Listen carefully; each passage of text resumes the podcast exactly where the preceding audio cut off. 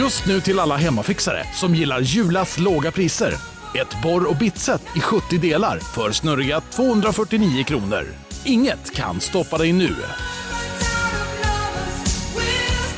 Hej, Susanne Axel här. När du gör som jag och listar dig på en av Krys vårdcentraler får du en fast läkarkontakt som kan din sjukdomshistoria. Du får träffa erfarna specialister, tillgång till lättakuten och så kan du chatta med vårdpersonalen. Så gör ditt viktigaste val idag, Lista dig hos Kry. Upptäck hyllade XPeng G9 och P7 hos Bilia. Våra produktspecialister hjälper dig att hitta rätt modell för just dig. Boka din provkörning på bilia.se xpeng redan idag. Välkommen till Bilia, din specialist på XPeng.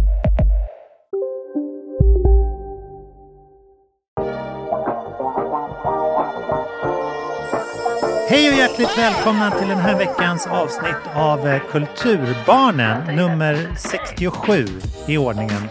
Eh, jag heter Pontus de Wolf, är låtskrivare och konsertarrangör den här veckan. Och du, min vän, heter? Ida Tirén och jag är eh, författare och ah, jag antar kulturjournalist får jag väl fortsätta säga bara för att det är som en slags state of mind. även om jag inte skriver några artiklar så är liksom min världs... Det är som en livsstil mera än ett jobb. Ja. Om du förstår vad jag menar. Jag st- studerar världen och analyserar världen. Och sen har jag ju det här nya jobbet på Kulturrådet. Så jag är ju då läsare, professionell läsare. Skrivare och läsare. Så när du säger, när du säger så här, äh, adjö älskling, nu går jag till jobbet, då, då har de ingen aning där hemma var- vart du ska.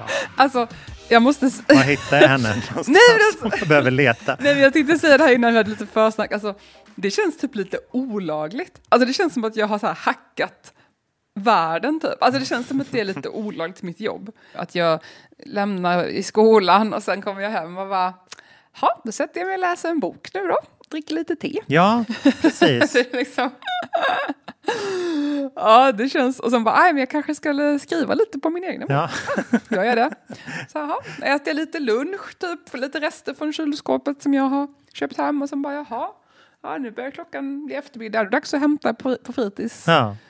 igen. Alltså det känns li- lite olagligt alltså. Det känns som jag, jag, jag, jag typ skolkar, alltså det känns som att jag, ja. Ja, du har liksom, så här, distraktionsmomenten är utplacerade på institutioner. Så nu kan jag, nu har jag tid att göra min grej. Ja, alltså jag antar att hade jag haft en arbetsplats där jag gick och satte mig och läste, då hade det känts som ett riktigt jobb. Nu känns det bara som att jag sitter- hemma i min soffa och läser, och det gör jag ju ändå. Det är ju det jag gör hela tiden, sitter hemma i min soffa och läser, liksom, eller skriver. Eh, Så det är som att jag bara, ha, nu gör jag det här också, som jag ändå alltid gör. Så det, ja, men jag är väldigt tacksam, för mitt mål i livet har alltid varit så här, jag är inte så motiverad av pengar, som ni kanske har förstått, och jag är inte så motiverad av liksom, ja, sta, alltså, status på det här sättet i samhället. Alltså, vad det nu är som man ska ha båtar och bilar och sånt. Det är jag inte så intresserad av. Men jag är ju väldigt... Min må- mål har alltid varit att hitta ett sätt att leva på där jag kan vara helt fri. Ja. Att kunna, när jag vill, åka var jag vill och göra vad jag vill. Typ. Och det har jag ju utnyttjat till full. Och jag har ju bott utomlands i ja, 13 år totalt nu. Och liksom, jag har gjort allt känner jag. Jag, jag, jag vet inte, vad jag, det finns ingenting som jag vill Nej, nej, nej. göra längre.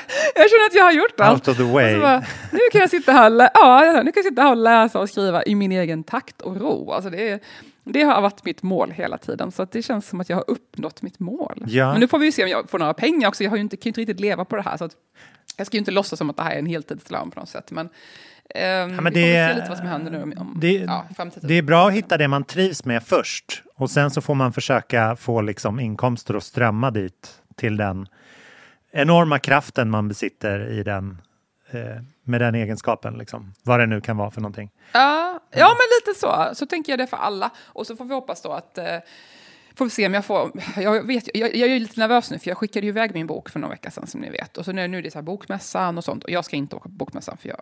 Ja, Jag tycker det är så här, lite inavel. Ah, jag. Eh, och, jag, och, jag är inte, och jag är inte inbjuden för att... Du har inte släppt din bok än heller? Nej, nej, precis. Eller så. Så jag, jag har liksom ingenting där att göra. Och jag vill inte mingla eh, för Nej, sakens skull. nej. Ja, men i alla fall, så nu är Bokmässan som mitt förlag är ju lite upptaget just nu. Men jag hoppas att de har tid att läsa efter. Så att Ja. nu är jag ju lite i, riska, riskzonen här, för att tänk så säger de att de inte vill publicera den. Nu måste jag ju outa mig själv eh, som refuserad i podden. Så det är Ja. lite spännande och nervöst. Verkligen. Jag ska gå in och Ja. jag håller på och min bror släpper ett album, det här bandet Hans and the. Wolf United på fredag. Så jag sitter i, i full liksom DIY-mode inför det. Alltså Oj. do it yourself. Eh, för det, det är så spännande hur allting är reducerat i vår, vår digitala tid. Alltså som, som influencer eller artist så är man ju ofta sin egen PR-marknadsföring via Instagram eller Facebook eller sådär. Ehm, att man är liksom ansiktet utåt för sig själv. Ja. Och, Ja. ehm, och så även när man liksom om man, om man är precis ett sånt här mittemellan stort band, att man inte säljer tusentals biljetter på arenor, men heller inte under 500, ehm, då, då är man i, i något slags, så här, då klarar man allt på en person. Ehm, och det, det har jag nu märkt i och med att den här skivan släpps och nya turnédatum och sånt. Turnén har ju gått utmärkt. Det är, det är liksom, den biten kan jag. Eh, den med att här, släppa konsertbiljetter och sen se till att Ah, de säljs. Gud Ehm, vad bra! Ja, toppenbra. Men, men nu, nu det här, eftersom det är ett, eh, ett generation äldre band så vill de ha CD-skivor från artister som de lyssnar på. Ehm, så då har vi beställt CD-skivor och då kommer man till det här, eh, okej men hur säljer man dem i den här moderna tiden? Ehm, ett svar är ju att liksom man säljer dem på konsertarenor och sånt där, men sen är ju liksom ja, de, de få fysiska butikerna och webbutikerna som liksom är grejen. Ehm, men jag har inte... Även där är det så här, vi kommer sälja några hundra stycken kanske, så det är liksom inte värt att gå in i någon jätte där. Alltså någon distributör. Jag har ju- Liksom. Vad har du? Jag har ju 3000 kronors eh, frimärken liggande hemma. Ja, du kan har ju nämnt det. lite. Det är jättebra, de kommer komma till Som användning jag nu. nämnde tidigare i podden. Men då var jag också sådär att jag, eh, jag hörde av mig till ett distributionsbolag som jag känner. Ehm, men så var de upptäckta, upptagna med eh, en festival som heter Bylarm som är lite som såhär, eh, bokmässan för musik uppe i Oslo. Eh, där man så här, showcasear nya band och branschar sig och sånt där. Så de hade inte tid att svara och då, då blev jag så här, ja, ja, men då gör jag väl det själv då. Så nu sitter jag med en så här sprillans ny webbshop för CD-ON. Om du kommer ihåg CD-ON. Gud, jag minns. Ja, jazzagenturen finns nu på CD-ON och på Shopify som är de nya liksom merch, merchförsäljarna där man kan integrera det i massa man kan lägga upp det på sin Spotify och sådär. Så nu är jag även ett distributionsbolag om, om du Ja, behöver tänkte sälja säga det, det någonting. räcker inte att du det, är inte, det räcker inte att du liksom så här, du är bokningsbolag, du är liksom live-arrangör, Ja. du är mood manager, Skivbolag, skivbolag, eh, vad mer? låtskrivare Ja, kan jag sticka in. Låtskrivare, allt, artist, allting. Mm. Också distributör. Ja, men det, det är så himla festligt att man får ta, att, att det blir verkligen så här, ja men nu orkar jag inte, det tar så lång tid att vänta på de här mejlen. Ehm, alltså att de ska svara liksom, kan ni... Så det var start, snabbare starta distributionsföretag än Ja. att vänta på mejl. Ja, exakt. Men där, då blir man ju också så här, ehm, det, det tar ju alltid emot lite när, man, när, när jag var tvungen att undersöka så här, okej, jag går in på CDON och ser hur man, hur folk säljer sina skivor. Ehm, och då, då, CDON brukade ju vara liksom bara en skivbutik förr i tiden. Det var dit man liksom eh, gick och köpte CD-skivor på postorder. Det var därav namnet liksom. CD online gissar jag att det liksom just stod det. för en gång i Mm. tiden. Nu, nu är det ju mer som ett så marketplace där de säljer allt. Alltså det är mer som ett så Amazon där musik är en liten, liten, liten bit av det.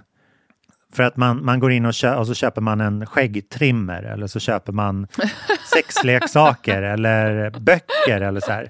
Det är liksom, Man köper så här, Hans and the Wolf United, en vibrator.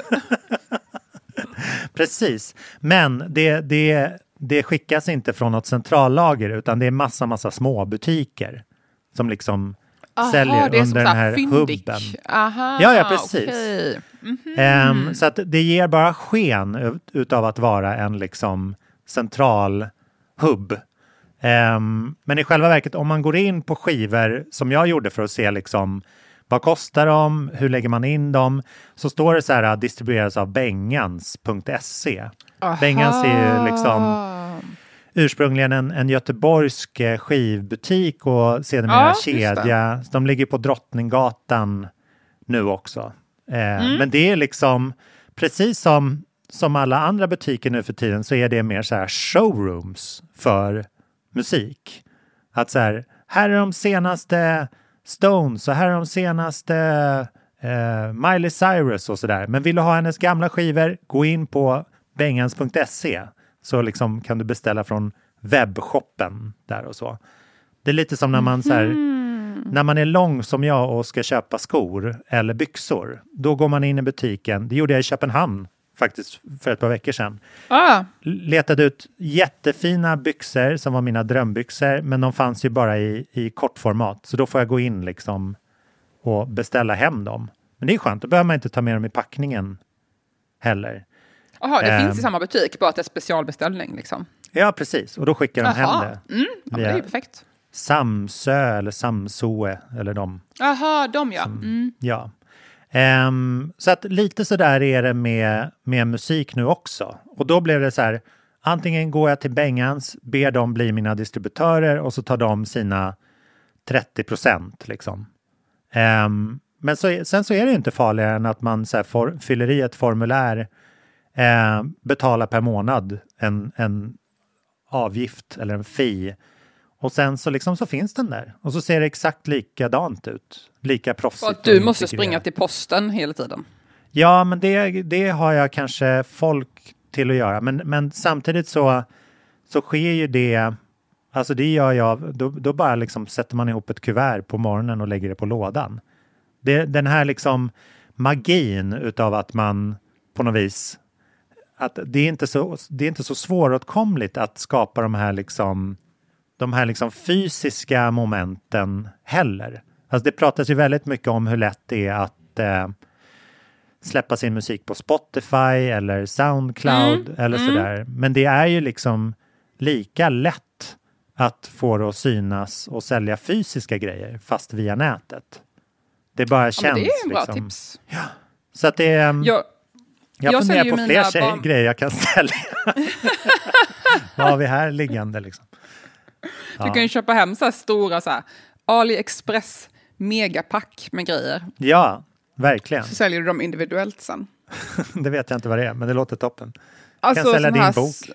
Ja, precis. Nej, men så, så började faktiskt min kompis eh, som har en stort kam- eh, fototillbehörföretag.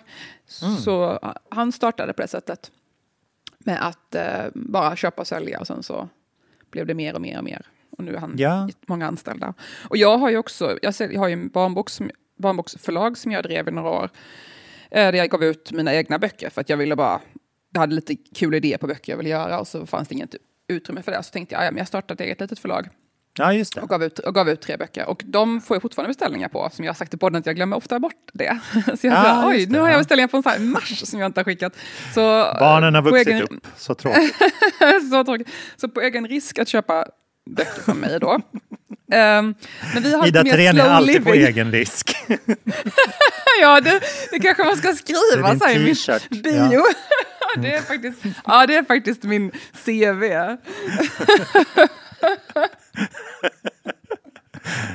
Man vet aldrig vad som väntar. Nej, exakt. Kulturrådet på er egen risk. Ja, avsluta Ja, ehm. alltid stipendieansökningar med det. Åh gud, apropå, vi måste prata mer om stipendieansökningar strax, men ehm, då har jag varit lite så här, "Ah, ja det är slow living, ni får inte ha för bråttom när ni beställer mina böcker. men de kommer, det kan ta lite tid. Ehm, men ehm, det är personlig touch. Men då är det så att jag får skicka, då har jag via Bokus.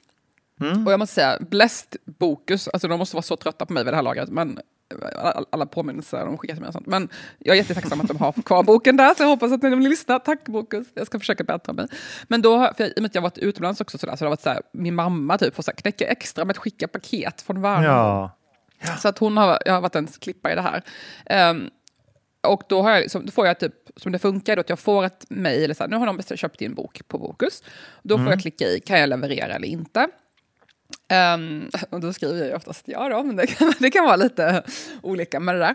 Mm. Och, och, sen då så, då är det så smidigt att man får en fraktsedel via skänker, tror jag det är, brukar jag i alla fall Mm. använda.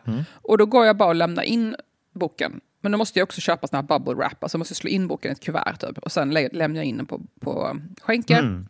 Ja. Eller typ i mitt fall OKQ8 i Värnamo. Ja. Och, eh, och sen så skickas den då till deras centrallager som sen skickar ut den till kunden. Och jag fattar inte hur det här går runt för att det kostar ju jättemycket med porto. Både, det var först dit och sen till kunden. Liksom. Det, Ja. det, är billigare, det är billigare för mig att skicka via Bokus. Hade jag skickat med portot som är så dyrt nu, hade jag skickat direkt till kund. Det hade kostat nästan mer. Alltså, för jag betalar ju inget porto nu alls, vare sig till skänker eller alltså vare sig till Bokus eller Mm. till kunden. Så de kanske betalar så här 150 kronor för boken. Och mitt, mitt F-pris är typ så här, mellan, eh, runt 75 kronor för boken. Mm. Det betyder alltså att Bo- Bokus betalar mig 75 kronor för boken. Och sen Mm. tror jag den kostar typ 140 på deras hemsida eller någonting. Eh, lite olika vilka böcker det är. Och sen så, så, så den här marginalen, alltså på knappt 65 kronor, ska de alltså betala mitt porto från Värnamo till deras centrallager, deras frakt och liksom förpackning, emballage Oh, shit. till kunden. Ja. Jag, jag, jag, vet inte hur, hur de går plus på det där. Alltså. Plus alla påminnelser-mejl till mig och lägga ja. Men det är ja, så så... det, är, det är ett mysterium faktiskt.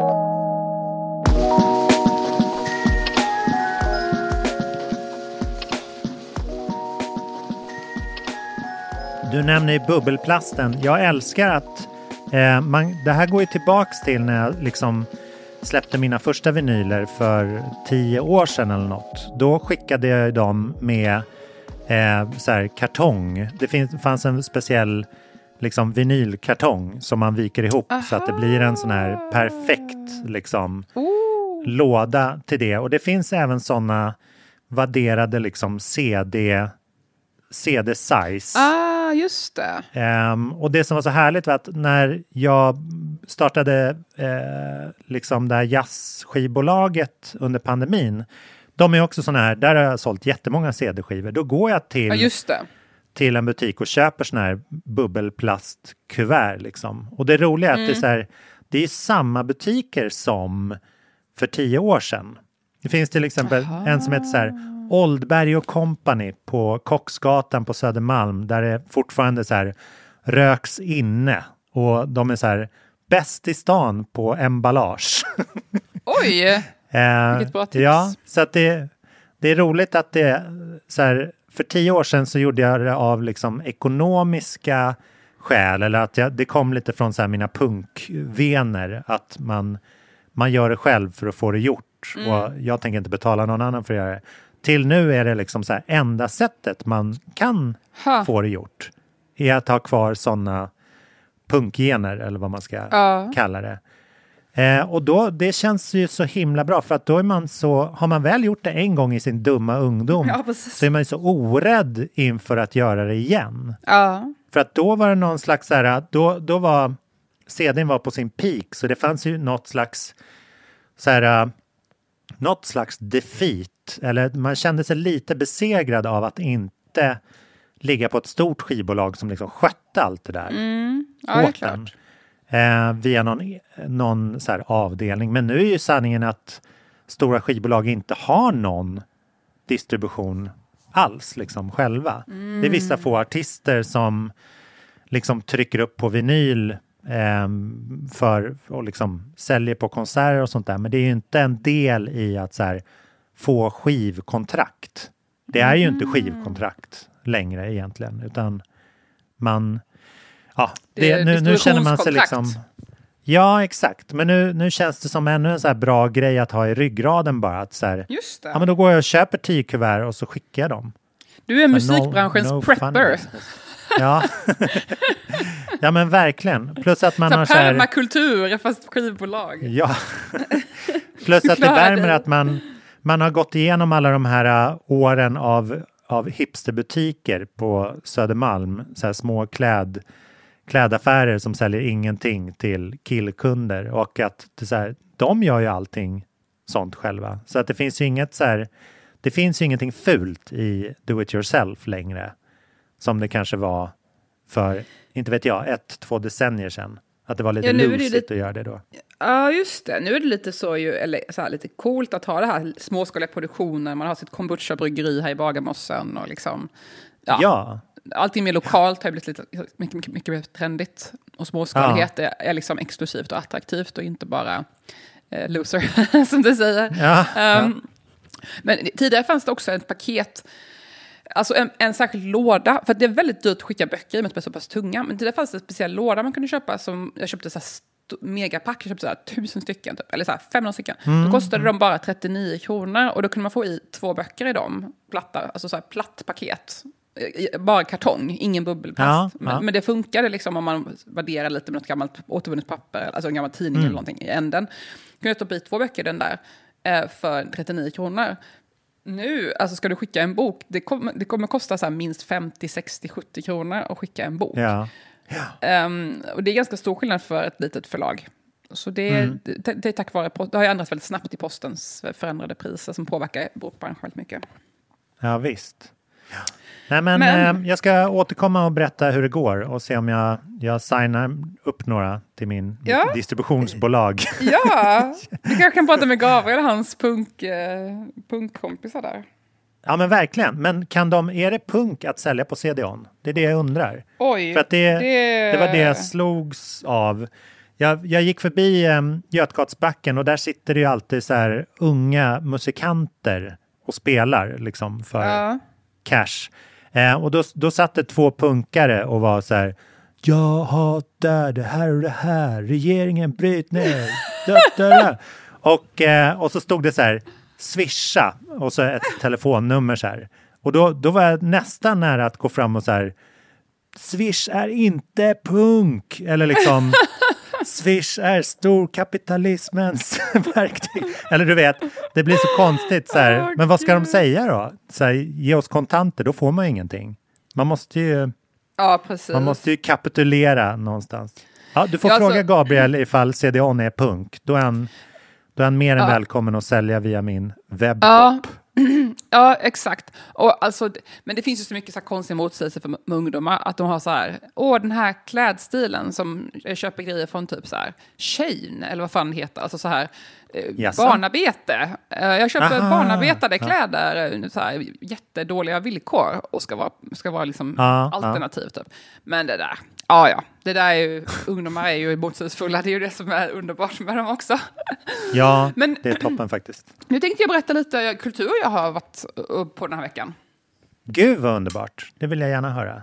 Nu är det ju så att jag, först måste jag backa bandet för att jag glömde ju berätta en ganska stor grej när jag var, ehm, för några veckor sedan när jag hade så mycket grejer. Så jag bara, åh, jag var på det här och jag var på Cirkus Cirkör och allting. Jag glömde ju att Ah, jag var på ytterligare en grej på fredag. Nähä. Alltså, jo, jag var ju på en, en festival som hette Rift och det var Mm. som en slags Alltså en al- alternativ eh, elektronisk, eh, kanske man kan säga, festival. Och det var ju Luger, så det var ju liksom... Men tydligen, för, alltså det, det var ett stort eh, företag bakom. Bokningsbolag, ja. Bokningsbolag menar jag. Men den här festivalen finns tydligen på flera platser i världen. Och det här var, tror jag första gången den var i Sverige. Och då är det lite så här, mm, ung, mycket ung publik. Eh, jag träffade Oskar Karlsson som har Issues Gallery, han är väl lite min ålder, vi var nog äldst där. Nej, men, nej det var vi inte, men, men det var mycket så här 17 till 25 typ. Och eh, huvud, ehm, bland annat såg jag Mamma Senda, som är från Malmö, som var skitcool och jättebra verkligen. Och sen var det huvudattraktionen som jag tyvärr missade, för jag hade inte barnvakt så sent, var Drain Gang, som ni kanske har hört talas om, med Blady och andra stora artister som är extremt populära bland ungdomar. Och det Ah, här är liksom samma, känner du till det här eller? Nej, nej. Det här är samma kultur som Yang Lin kan man säga, alltså samma Ja, jag förstår. eh, stil. Ehm, och det är en väldigt speciell klädstil som de här representerar kan man säga. Ehm, och då... och det är liksom det intressanta här då, det här, här hade jag lite spaning nämligen. Och det är just det här att de, det är lite som en så här eh, dystopisk, postapokalyptisk, punkig stil, kanske. Mm, Tänk dig typ så här Waterworld, för er som minns.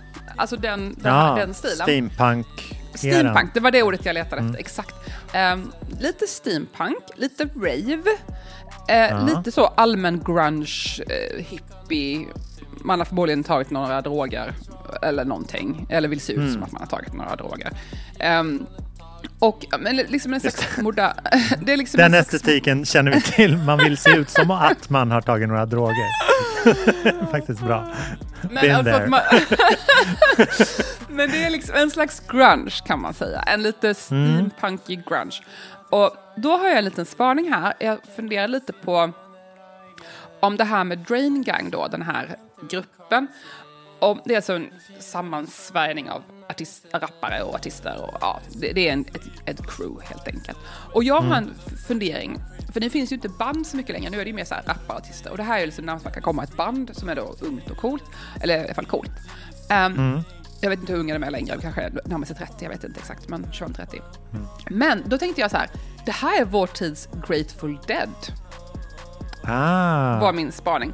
För deras fans, de är liksom fans. Alltså de är Drain Gang-fans.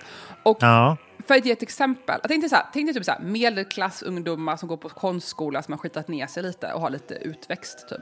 Kanske lite hockeyfrilla, lite second hand-kläder, lite coola outfits, lite humana. Eh, jag, jag skrev ner mina anteckningar. Humana fashion crossover Maria Ungdom core. Lovely. För er som inte vet vad det här är, de ligger ju faktiskt nära varandra. Humana är ju då en second hand-butik som är lite så trendigare i Stockholm som har valt ut Best of. Och Maria Ungdom är ju då behandlingscentrum för unga människor med drogproblematik. Eh, det är Ja. lite den estetiken helt enkelt. Mycket huvudbonad, keps, hatt, mössa, oversize, eh, solglasögon, ehm, Waterworld möter TLC, ja, ja. postapokalyptiskt. Ja, jag har skrivit ner de här anteckningarna. Men då är min spaning så här, för att om man tänker sig, när vi kom in på den här festivalen, jag, jag blev medbjuden då som plus en, gissa med vem, eh, som är medbjuden dit då. Eh, och då så var det en jättelång kö när vi kom in. Det här var i slakthusområdet. Delvis utomhus och delvis inomhus. Och det, vi möttes så här, tre food trucks och en enorm kö. In i någon slags schakt eller skjul eller någonting. Så här. Alltså tak, ett, ett, ett område som har tak fast ändå typ halvt utomhus. Och jag är så här, vad fan är det här för kö? Så tänkte jag, ah, men det är väl något konstprojekt där inne som alla väntar på. Det var säkert en kö på 100 meter, alltså i alla fall 50 meter. Och det var tidigt, vi var där jättetidigt för vi ville se Mamma Sända som spelade typ vid fem. Så vi var där jättetidigt precis när det öppnade. Och det var alltså 50 meter kö inne i området klockan fem. Så här. Jag bara, vad är det som händer? Då visade det sig att den här kön, det var ju för merch. Ah. Så att halva festivalen står i en kö för att köpa merch. Och det här är inte vilken merch som helst. De vill inte ha vilken merch som helst. De vill ha Drain Gang.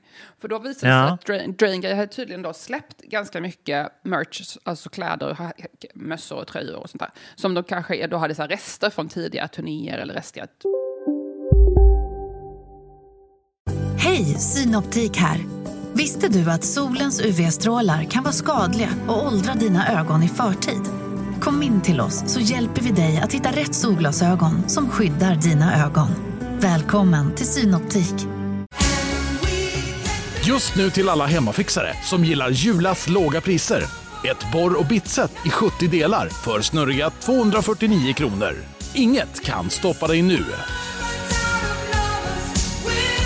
Välkommen till Unionen. Hej! Eh, jo, jag ska ha lönesamtal och undrar om potten. Ja, om jag kan räkna med övertidsersättning för det är så stressigt på kontoret jag jobbar hemma på kvällarna så kan jag då be om större skärm från chefen för annars kanske jag säger upp mig själv. Och hur lång uppsägningstid har jag då? Okej, eh, vi börjar med lön. Jobbigt på jobbet. Som medlem i Unionen kan du alltid prata med våra rådgivare.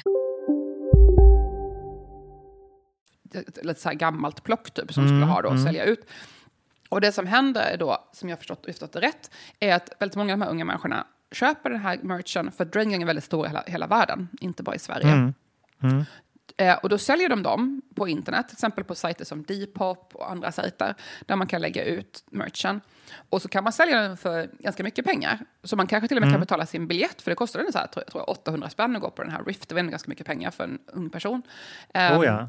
För barnbidraget, eller så, här, vad heter det? Ja. Barnbidraget? Nej, studiebidraget har ju inte gått upp Ja, så mycket ja. sedan jag var tonåring. Typ. Så att jag tänker att jag undrar alltid vad de får pengar från att köpa så här, burgare och, och jag vet inte. Jag tycker det är dyrt Nej, att nej, köpa nej. mat. I alla fall. Ehm, men då är det tydligen många som gör så att de köper ganska mycket merch och så säljer de dem på Depop. Och jag såg samma sak när jag var på... Ja, ehm, fansen säljer det vidare. sek- ja, Liksom de köper hand. upp det här Åh och sen... jäklar! Ja, och det är så man finansierar då kanske att man går på spelningen. Ehm, och jag såg samma fenomen när jag Oj. var på Kanye West i eh, Los Angeles på hans eh, Jesus is King, alltså när han körde den här, han hade ju en period när han höll i gospelkonserter på söndagar i en enorm arena i Los Angeles. Ehm, och då var jag där och skrev om det, jag bodde, det var när jag bodde i Los Angeles, och så skrev jag om en artikel om det till Nyhetsguiden, det finns på nätet om man vill läsa. Ehm, där jag var på den här söndags, Sunday Sermon hette det väl. Ja, Ehm, just det. Och då um, var det också sådär enorma köer till merchen. Och merch överallt liksom. Och så kostar det så här Mm. svinmycket, så här, 1000 kronor för en t-shirt. Och så köper folk dem, eller kanske så här 500 kronor för en t-shirt. Sen köper folk dem och säljer vidare dem eh, för 1000 kronor på nätet. Ehm, Ja. Till de som inte kan ta sig då till det här eventet. Ehm, så det har blivit, apropå det du sa nu, att distribution har blivit lite annorlunda. Att nu säljer man på, på plats bara och sen kan man då Ja. själv sköt, alltså, distributionen har blivit ut, outsourcad till fansen. Ja, ja, Istället för att verkligen. man har CD-ON så har liksom fansen sin egen distribution. Ehm, så att det här var liksom... Det är alltså, otroligt spännande. och kön fortsatte hur länge som helst. Alltså, vi var där, jag var ändå där i typ två, tre timmar och, och det var kö hela tiden. Eh, Ja. Så jag var tvungen att gå som sagt, för jag, hade, jag missade då huvudakten, för jag hade inte barnvakt så det räckte. Men, för det var typ vid tio eller elva som det började och jag Mm. tvungen gå så halv tio. Ehm, men merch-kön fortsatte när jag gick också. Så att det var ganska intressant spaning tycker jag. Och jag tänkte mycket Mm. på det här då, att, att liksom, man såg ju också att fansen hade så här Drain Gang merch på sig. Det var ju också en stil. Och Mm. då tänkte jag just på det här med Grateful Dead. För att för de som inte är bekanta med Grateful Dead, de var ju väldigt populära på ja, 68-rörelsen kan man väl säga, på 60-talet. Och de var också så här Mm. rockband, lite, det var ju dåtidens grunge, alltså det var ju hippie mer liksom. Eh, och folk reste ju runt och följde efter, följde, och turnerade med dem, liksom. följde efter bilar och, och liksom gick på alla deras spelningar och följde efter dem i hela USA. Och det Ja. var ju som en subkultur snarare än ett band. Eh, och hade en speciell klädstil och sådär. Och tog mycket droger och sånt. Så det känns som att det här är lite Mm. så moderna deadheads. Eh, som det kallades för deras fans. Så att eh, Mm. drainheads kanske, jag vet inte om det är redan ett etablerat uttryck, men annars kanske det kan bli det. Ehm, Ja. Så det, det fick jag uppleva på Rift Festival. Det var jätte, jättekul att se verkligen. Och jag, nu kanske jag låter raljant när jag skojar om att de ser ut som humana Maria Ungdom. Jag hoppas inte de tar illa upp, men det är ju en ganska utstuderad look. Och jag tycker det är coolt. Alltså, jag, jag, alla var jättecoola. Jag var ju minst Ja. cool där. Nej, men jag menar, det, vårt, vårt perspektiv och vår ålder är det enda vi kan bidra till med det här. Alltså jag ser till exempel att så här, deras, de är ett, det låter som ett skitsmart upplägg, men också att deras, deras namn som individuella artister är så här Blade D, Echo 2K, Tyboy Digital och White Armor. Det låter så himla liksom kodade, alltså som att de har spelat World of Warcraft Ja, och sen tagit sina Jag tänkte också tagit säga det, sina, gamernamn. Liksom, smeknamn. Ja, exakt. Att man säger fuck, fuck this shit. Så här, jag tar det jag har. Ehm, Det är väldigt intressant att se liksom vad, vad det har fötts ur. För det är liksom första så här, internetkulturgenerationen. Men Mm. jag känner verkligen igen det här på, på mina år som K, eller under mina år på Kåken där så gick ju, den ligger på Regeringsgatan precis vid bron över Kungsgatan. ehm, om du minns där. Mm, ja, Ehm, och där så går man, när man är så här mood manager eller chef som jag var, så går man ut och kollar liksom så här, ja den kan komma in, den kan komma in. Och så är det en så här lång kö. Och då minns jag att så här, eh, till helg, apropå att du pratade om Kanye West, under helgerna eller om det var så här eh, torsdagskvällarna så var det alltid en kö på andra sidan gatan också. Med så här, Mhm. Som var en mycket lugnare kö där folk typ satt med så här tältstolar och sånt där. För då var det liksom, där låg ju sneakersbutiken Cali Roots. Ehm, som då på liksom fredagar en gång i månaden hade så här releaser av sneakers. Av såna här liksom exklusiva linjer och sådär. Och då, då satt ju folk och köade för att köpa dem och sen kränga dem på nätet. Liksom på Ebay. Ah, mm. Eh, och att det var ju liksom folks lön. det var det hela deras försörjning att göra så. Så det här var, det här slängde mig tillbaka till, Ja. till de minnena. Och det tror jag Väldigt fortfarande spännande sätt. just. Ja, nej men det är jättespännande sätt att så här, hålla en... eh, Man, man måste ha en, en liksom fysisk vara med sina fans någonstans. Mm. Det ger något, det ger så otroligt mycket mer än bara liksom en digital front eller en look. Så. Ja, Ja, men gud vad, tänkte också- vad jag tänkte- jag upplysande. Ja, och jag tänkte också mycket på det med min, liksom, min bok släpptes och sådär då. Alltså att, att jag hade då en releasefest. För först var jag så ah, ska jag hålla på och fixa med releasefest, orkar jag det? Och så här. Sen kände jag att det måste förankras i verkligheten, jag måste ta ner det här projektet på jorden. Och ändå, Mm. fast i och med att det var pandemin så var det inte så många framträdande på bibliotek, sådana grejer, som jag kanske hade hoppats då, att de skulle få träffa lite folk och sådär. Eh, Så det Mm. blev ju inte mycket mer än releasefest och något enstaka samtal här och där. Men jag var ju på Littfest också, som ni kanske minns från podden, men annars har det inte varit så mycket. Och då, eh, det var lite tråkigt tycker jag, för att inte så mycket för att så här, ah, det kommer fem tanter och lyssnar på en, liksom. det är ju inte det, men det är bara den känslan av att så här, det blir verkligt på ett annat sätt när man har någonting i verkligheten och förankra det i. Alltså, Ja. nu, visst, musiken har ju inte en CD-skiva, boken har ju, man gör för boken, men många lyssnar ju också på digit, alltså, digitala varianter, ljudböcker och e-böcker och sånt där. Så att man Ja. får liksom inget, det blir aldrig på riktigt på något sätt. Och jag tror ändå hur mycket vi än försöker så här, låtsas att vi är så digitala och så här. Så vi behöver ändå någonting eh, påtagligt i IRL på något sätt. Ja, jo men verkligen. Jag berättade om min, eh, min klubb Tjuvlyssna här för några Just veckor sedan. Mm. Ehm, där folk kom, det var för sju, åtta år sedan kanske, så kom artister och spelade sin osläppta musik. Eller oftast så släpptes den liksom morgonen efter klubbdatumet så att man kunde höra en, en exklusiv förhandslyssning på klubben. Liksom. Och då var det en reaktion för att jag kände att redan då så fanns det liksom en disconnect mellan ehm, artisterna, vilkas vars skrå jag tillhörde, och liksom klubbvärlden som tillhörde publiken. Att liksom Ah. aldrig möttes det tu, för att det fanns bara liksom, det fanns konserter eller så fanns det klubb eller så fanns det liksom skiva eller eten. Ehm, men det här var ett sätt att liksom dra till, tillbaks folk till klubben. Och anledningen var jag fick inspiration ifrån, det var att ehm, jag läste en, en biografi om David Bowie. Ehm, Som det för övrigt släpps en, verkar vara en Ja, film. asgrym film om. Moon Age Daydream i dagarna. Den måste jag verkligen se. Men han, han gjorde sen när han spelade in, det var sp- specifikt, han spelade in plattan eh, Young Americans. Ehm, då, eller om det var Let's Dance, jag kommer inte ihåg, men då gjorde han alltid en sån här grej att han, när han hade spelat in och gjort en råmix under dagen, så gick han ner till sin lokala klubb och gav den till DJ. Aha, Och så här- lite som en stand-up som testar stand-up i olika lokaler. Ja men precis. Man, put this on. Så här, It's groovy. Oj. Och så sen, och så Oj. spelade han den liksom och så fick folk så här, folk bara, Va? vad är det här? Och så fick alla en liksom för, förhandslyssning. wow! Ehm, och det är så himla kittlande. Dels, dels blev jag så lycklig av det självförtroende att, att man så här, på den tiden var det verkligen så här, jag gör musik för diskoteken. Och då, då, så här, då ska jag se om det funkar. Då går jag ner till diskoteket och ser hur det låter där. Liksom. Ja, det är lite, påminner lite om det här som vi pratade om förra sommaren. Eh, det var det avsnitt, avsnittet som vi var i på Gotland, om någon vill lyssna bakåt. Eh, när du berättade om eh, De Kanye West-skivan. Ja just det, du var på konsert. Du var på Gotland. Ja. Nej, när vi var på Gotland, du och jag, precis, förra Ja, det. sommaren. Precis. Ja, och du samtidigt. berättade om den här Kanye West-spelningen där han spelade upp sin skiva för typ en ja, arena och det var ju inte så bra mottagande och han då började peta i den igen och kanske gjorde den sämre för att den liksom, han brydde Ja. sig för mycket vad folk tyckte. Men då var det ju kanske fel forum då, alltså det är ju en annan sak när David Bowie Ja, gör det men på en visst. klubb än om man gör det på en arena. Ja. Kanske man inte ska, också konstigt ljud och sådär, man kanske inte ska lyssna på musiken där. Ja, och det blir en annan förväntan eftersom det här David Bowie hade ju absolut inte annonserat Nej, att han skulle komma det. och spela. Utan Mm. det var, han var bara, han tyckte att liksom diskoteket var lika mycket hans andra hem som studion var.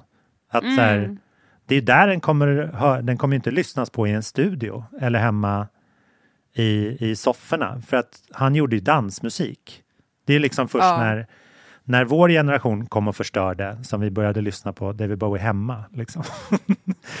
det viktiga Ja. var att man skulle dansa till det. Nej, men det är verkligen konstigt hur, hur annorlunda kultur kan kännas i olika forum.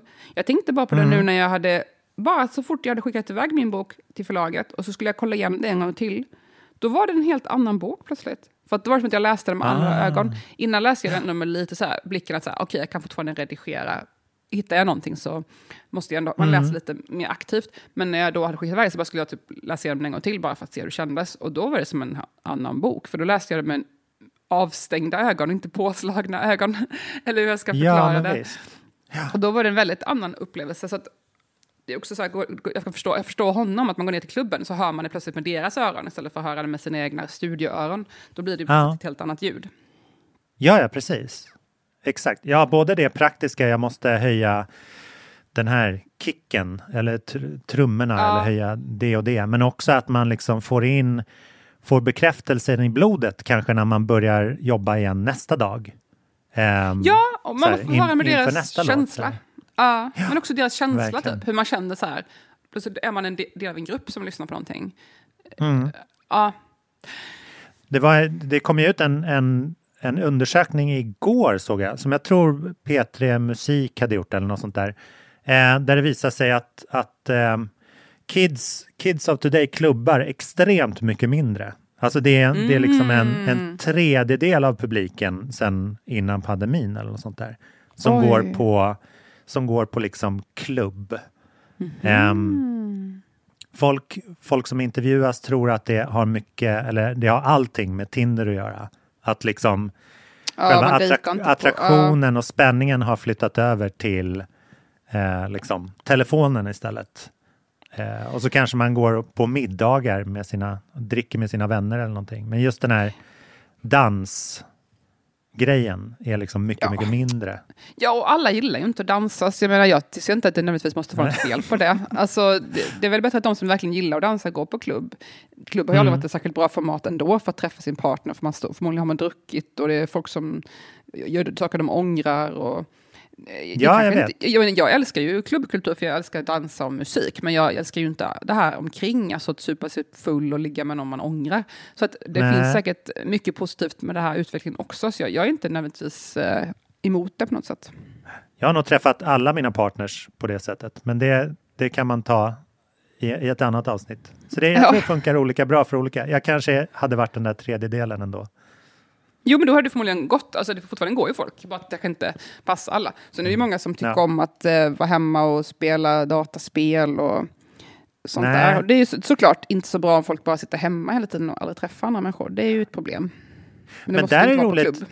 Där är också en ny svängning för att det, det rankades ju som det liksom mest asociala ehm, för bara liksom en tid sedan, några år sedan. Nu är det liksom, ja men jag har ju haft konversationer med 50 olika människor typ. Mina 50 olika vänner runt om i Mm. världen. Eller vårt liksom. Eh, sen kanske man pratar om saker i spelet, men det är ju liksom de sociala relationerna som folk när nu för tiden. Mm. Att man Jo. liksom, vi ses på vår Fortnite-timme klockan det och det. Mm. Och sen, sen tar vi en paus ut i verkligheten innan vi går tillbaks. Ja, från vad det verkar som på forskningen också så verkar det ju mycket värre att sitta på och scrolla på sociala medier, vilket tjejer gör oftare. Eh, Alltså generellt då enligt forskningen. Än att spela det verkar, spel? Ja, det verkar mycket sämre för en psykiska hä- hälsa. Ah, att spela spel ja. verkar inte vara så dåligt för psykiska hälsan faktiskt. De har inte sett alls samma... För att folk blir så här missnöjda med sig själva och jämför sig och oroliga, ängsliga. Mm. ehm, dålig självkänsla så här, av sociala medier. Medans, alltså bildbaserade då. Medans, Mm. eh, Och popularitet så bildbaserade. Medan dataspel har inte alls den effekten. Enligt de här nya studierna jag har läst från Karolinska institutet. Så att det är ju kanske dags att sluta se på det demonisera på samma sätt, men man kanske kan demonisera sociala medier mer. jag vet inte. Ja, precis. Nej, men det, det har ju liksom... Farhågan är väl att så här, man... inte ser hur folk ser ut. Typ. Eller liksom på, i spel så är det ju snarare så att man, man kan se ut hur man vill. Att det är det att man så här, man, inte, man, ser, man, man gör sig sin avatar och sen behöver man inte tänka på vem som är så här snygg eller ful. Typ. Nej. Alltså det finns ju inte de parametrarna riktigt. Det gör det i allra högsta grad på Instagram, TikTok, Facebook. Men det är ju det här lite... Ja, precis. Det blir så mycket fokus på en själv på det sättet. Min dotter var jättesur på mig i morse, för hon, hon vill börja spela Fortnite. Och jag är lite så här, mm, jag vet inte, jag, försöker, jag är inte så mycket för det där. Men, um, för hon har fått en sån här Nintendo Switch, så hon håller på att spela Animal Crossing, Åh, som är ett populärt spel där. Det fick hon i födelsedagspresent i somras när hon fyllde nio, och nu vill hon börja med Fortnite. Och ehm, då menar hon att hon vill gärna ha en får ha spelat med sin pappa. Hon bara, men då måste jag få så här skins, som du pratade om Ja. tidigare. Alltså särskilda kläder i spelet. För hon bara, jag får ju inte det för det kostar ju pengar. Och så här. Och jag bara, nej, det brukar jag ju inte köpa. Så hon bara, nej, men alltså då kommer jag se ut som en noob. Alltså jag får ha mina noob-kläder på mig. Oj, Eh, då är det så att om man då är helt ny i ett spel så finns det ju en sån här standard-outfit som förklarar. Man, ah, men det är så här standard noob-tjej eller standard noob-kille. Så går du runt i kläderna, då kommer alla behandla dig som en noob. Alltså en Mm. nybörjare då, för de som inte kan digitala språk, förkortningar. Mm. Ehm, Du är naken Alltså, no- typ. ja, alltså noob stavas då N-O-O-B. Eller Ja. inte O-O, N-0-0-B. För de som inte vet. Ehm, Oj, det visste inte jag till exempel. Bra. Man brukar skriva det, man brukar man brukar skriva det med nollor, alltså noob. Ah. Ehm, och då vill man inte se ut som en noob. Och det är ju Nej, då att man nej. är nybörjare. Ehm, och då får man då åtgärda det här med att köpa skins. Och så jag sa till henne att om du börjar spela Fortnite, då kan vi absolut köpa i alla fall en outfit, så du inte ser ut som en noob. Sen kanske inte jag har råd att lägga massa pengar på kläder i Fortnite.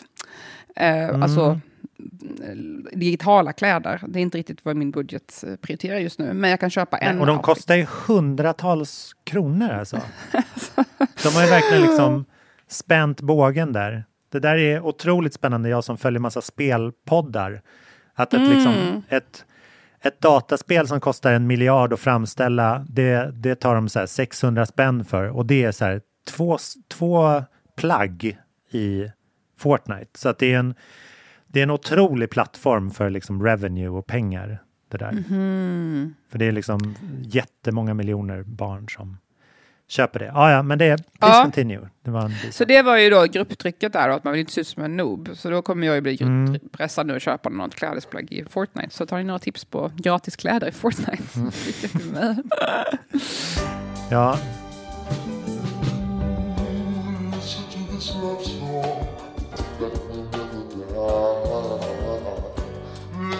Men jag har ju mer kulturtips faktiskt. Ja, men Hög det- jag vill kultur. inte höra bara. Hög, Ja. Mm. fin kultur. härligt. Det är ju nämligen så då att jag var på teater i Uppsala, min favoritstad, som jag då Mm. drömmer om att flytta till en dag, men det blir väl svårt, men det är ändå min dröm. Och Ja. då är det Uppsala stadsteater som har en ny uppsättning av Elfriede Jelinek som vann eh, Nobelpriset för ja, snart 20 år sedan. Jag minns Mm, nämligen, mm. det var jag, jag var nog 19 tror jag, så att det var väl 18 år sedan. Ja, Ehm, jag jobbade på och- Pocket Shop då. Det var spännande. Ah, ja, just det. Det kan jag tänka mig. Jag har Mm, precis tagit studenten ehm, och läste hennes böcker och var väldigt, blev väldigt påverkad. Jag skulle säga att hon är en av mina största influenser rent litterärt. Elfriede Jelinek och ja, Margrethe Rask läste jag också jättemycket på gymnasiet. Hela gymnasiet Mm. läste jag alla hennes böcker. Ehm, de två väl, var väl de som påverkade mig mest som yngre. Och de sitter, sitter nog kvar ganska mycket. Och det är intressant kan jag nämna då i sammanhanget att Sara Stridsberg har ju exakt samma influenser. Så att jag har ju aldrig läst Sara Stridsberg för att jag märkte väldigt tidigt att vi skrev ganska lika varandra. Ah, och det har ah. också folk påpekat då, min bok eh, påminner om Sara Stridsberg. Så att, ehm, men det intressanta är att jag har faktiskt inte läst henne, förutom Happy. Nej. Och, men vi Nej. har väldigt samma, väldigt lika eh, referenser. Så det kan man ju Ja. intressant i det här sammanhanget. Men det kanske jag har sagt förut. Men skitsamma. Elfriede Jelinek gillar jag mycket. Och eh, då ville jag gärna se den här uppsättningen då, när jag såg att de skulle släppa den. Eh, det är av hennes bok Älskarinnorna. Eh, Och Mm. det var fantastiskt bra, måste jag säga. Det var verkligen Oj, jättebra. Det var innovativt, det var vilt, omtumlande och fantastiskt skådespeleri. Där har ni ett citat ni kan använda, Uppsala stadsteater. Det är bara att citera mig. Ja. jag tänkte jag måste formulera mig nu så de kan använda det här i sin material. Um, jag tyckte det var jättebra verkligen. Och det var väldigt ex, lite experimentella hållet, men jag gillar ju det med teater. Um, Mm, mm. Så lite så Ja, varför ska man annars gå dit? Herregud. Ja, men lite så. Ska man bara se liksom, ska man kolla på film om man bara vill se Mm. skildring. Eh, vill man se en Människor annan väldigt talar bra... tydligt. Ja. Ja, alltså vill man se en annan väldigt bra, lite mer experimentell, men en väldigt otroligt bra pjäs så är det ju Linje Lusta som nu kommer igen på Dramaten i Stockholm. Jag såg den när den gick förra gången och nu har de kört den igen för den var så populär. Ja. Ehm, Ja. De påminner lite om varandra. Linje Lusta är mycket mer, alltså det är en annan, de har ju en annan budget, alltså man säger så. Ja, ja. Med liksom rörande lokaler som flyttar på sig och det är rum och det, alltså det är ju en helt annan, det är ju, går inte att jämföra riktigt med deras förutsättningar. Men jag tyckte. Älskarinnorna var så fantastiskt bra. Det var fyra jätteduktiga skådespelare, eller fyra, det var inte alls fyra, fem sk- jättebra skådespelare. Ehm, kvinnor Bara allihopa. Fyra bra och en lite sämre. det var, samtliga var väldigt bra. Hur många det var, alla var bra. Men de spelade också många olika roller var, därför jag blev lite förvirrad. Men väldigt Mm, kortfattat handlade, utspelade det här sig på 70-talet i Österrike, i en liten by, där vid en industri, industrihåla får man väl säga. Ehm, och de tillverkar, de syr BH, BHR, vilket är väldigt symboliskt för det hela. Och då handlar det om två kvinnor som um, försöker hitta män att ta sig ur den här situationen att vara liksom, man får val, antingen blir man liksom eh, fabriksarbeterska eller butiksbiträde eller så blir man gift hemmafru. Ja, det är det som perfekt. finns. Man får, inte, man får inte studera, man får inte göra något kul, man får sitta, man sitter där i sin jävla håla. Ehm, och då hittar de två olika män och båda två suger. Den ena är liksom någon så här idiotisk alkoholist-grabb, typ, eh, som Ja. gillar bilar och slår henne. Eh, och så här, åh, äntligen får jag lite, hon är så här 16 år och blir gravid. Typ. Ehm, och den andra lyckas haka på en man som ändå har, är på väg att bli lite chef och sådär, så att ha lite pengar i familjen. Så hon lyckas ta sig upp, men blir ju aldrig helt lycklig för att hon gör ju bara det för att hon ska ta sig upp i samhället, inte för att hon Ja, honom. ja. Så att det är så här, det är lite, det är ju en feministisk pjäs som handlar lite om så här, kvinnors villkor i kapitalismen kan man väl säga. Och be- begränsade chanser man har att ta sig ur när man inte kan själv gå sin egen väg utan måste gå genom en man och då blir utlämnad till deras eh, nycker och eh, brister. Eh, det är men väl den enklaste förkort, för förklaringen då. Men eh, det här är gjort på ett väldigt roligt och experimentellt sätt. Väldigt bra jobbat av regissören. Prisbelönta Anja Susha. Susa, Susha. Ehm, och eh, jag blev lite osäker för det var ett sån här accent grav heter det va? Ett sån här litet V ovanpå andra S. Så jag Ah, right. på ja, ja, ja. Mm. men jag tror att det är andra Su- Su- Susha. Ungerskt, eller vad kommer man... Ja, det brukar väl vara i slaviska länder. Jag ber om Mm. ursäkt om jag uttalar det fel. Um, fantastiskt bra regi. Uh, skådespelarna Jennifer Amaka Pettersson, Anna Karlsson, Lolo Elvin, Moa Silén, Nathalie Sundelin. Jätteduktiga. Mm. Och jag var ju då på premiären, vilket var lite Ja. kul. Ja, mycket värt en resa till Uppsala för att se det här. Oavsett var man bor. Så, särskilt då man bor hyfsat nära, men det var värt det.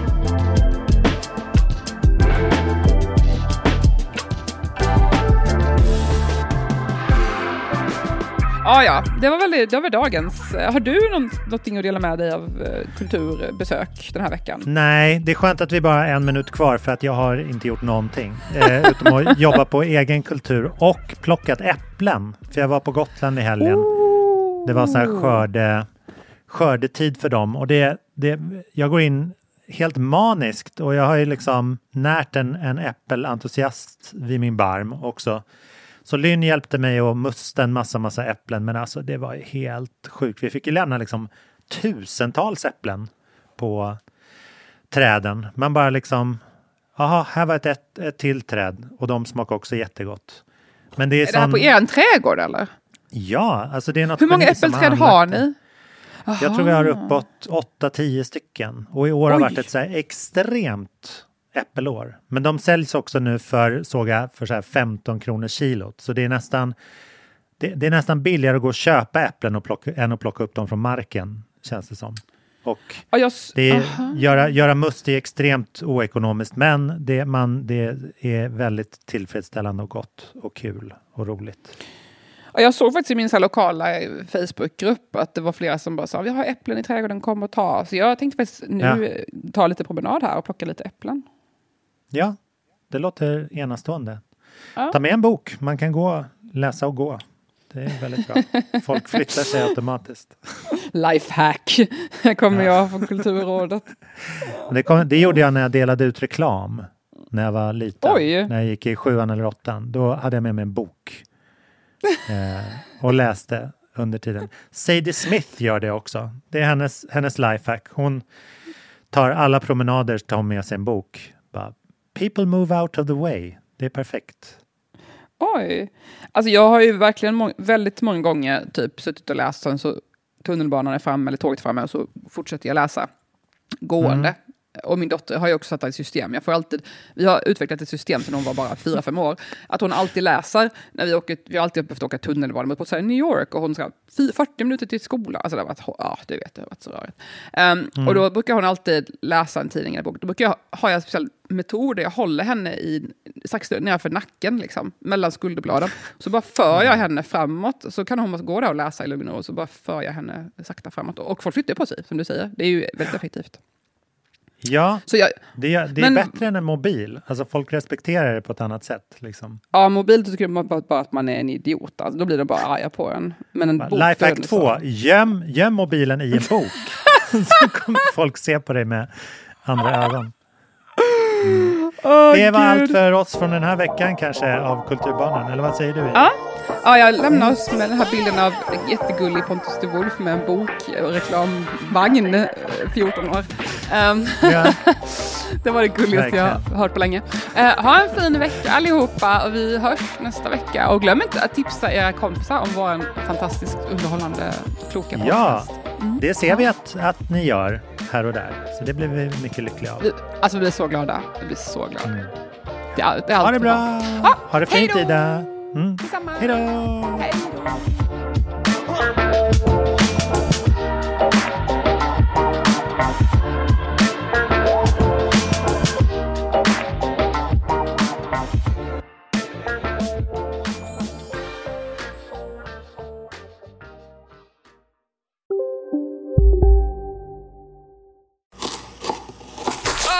Dåliga vibrationer är att skära av sig tummen i köket. Ja! Bra vibrationer är du har en tumme till och kan scrolla vidare. Alla abonnemang för 20 kronor i månaden i fyra månader. Vimla! Mobiloperatören med bra vibrationer. Ja? Hallå?